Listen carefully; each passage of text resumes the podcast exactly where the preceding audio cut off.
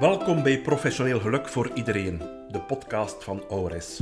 Mijn naam is Peter de Brouwer, dit is aflevering 10 en we hebben het vandaag over of werken een feest kan zijn.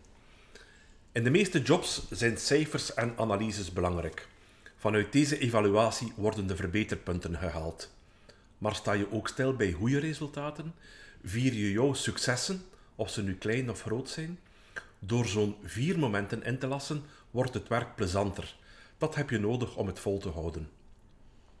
Waarom zou je de verjaardag van een collega, een samenbehaald, eventueel klein succes of een toffe nieuwe wending in jouw job of afdeling niet vieren? Hier bij ORS maken we er gewoonte van om regelmatig verjaardagen, nieuwe of vertrekkende collega's, successen te vieren. Zowel offline met een stuk taart of een glaasje, maar ook online. Heb je te weinig het gevoel dat jouw job een feest is? Of dat er te weinig te vieren valt?